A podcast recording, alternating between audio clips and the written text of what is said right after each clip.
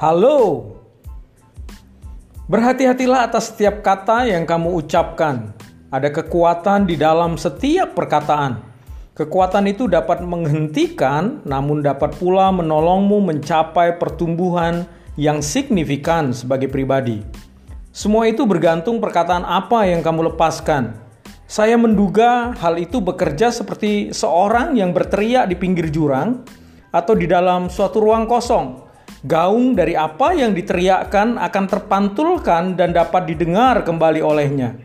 Itulah sebabnya penting untuk melepaskan perkataan yang tepat, perkataan yang membangun dan membebaskan.